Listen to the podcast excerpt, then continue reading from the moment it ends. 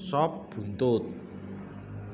Sop buntut terbuat dari potongan ekor sapi atau buntutnya sapi yang telah dibumbui dengan rempah-rempah dan dibakar. Kemudian dimasukkan dalam kuah kaldu sapi dengan irisan kentang dan wortel, daun bawang, tomat seledri, serta bawang goreng. Wah, bikin ngiler ya guys.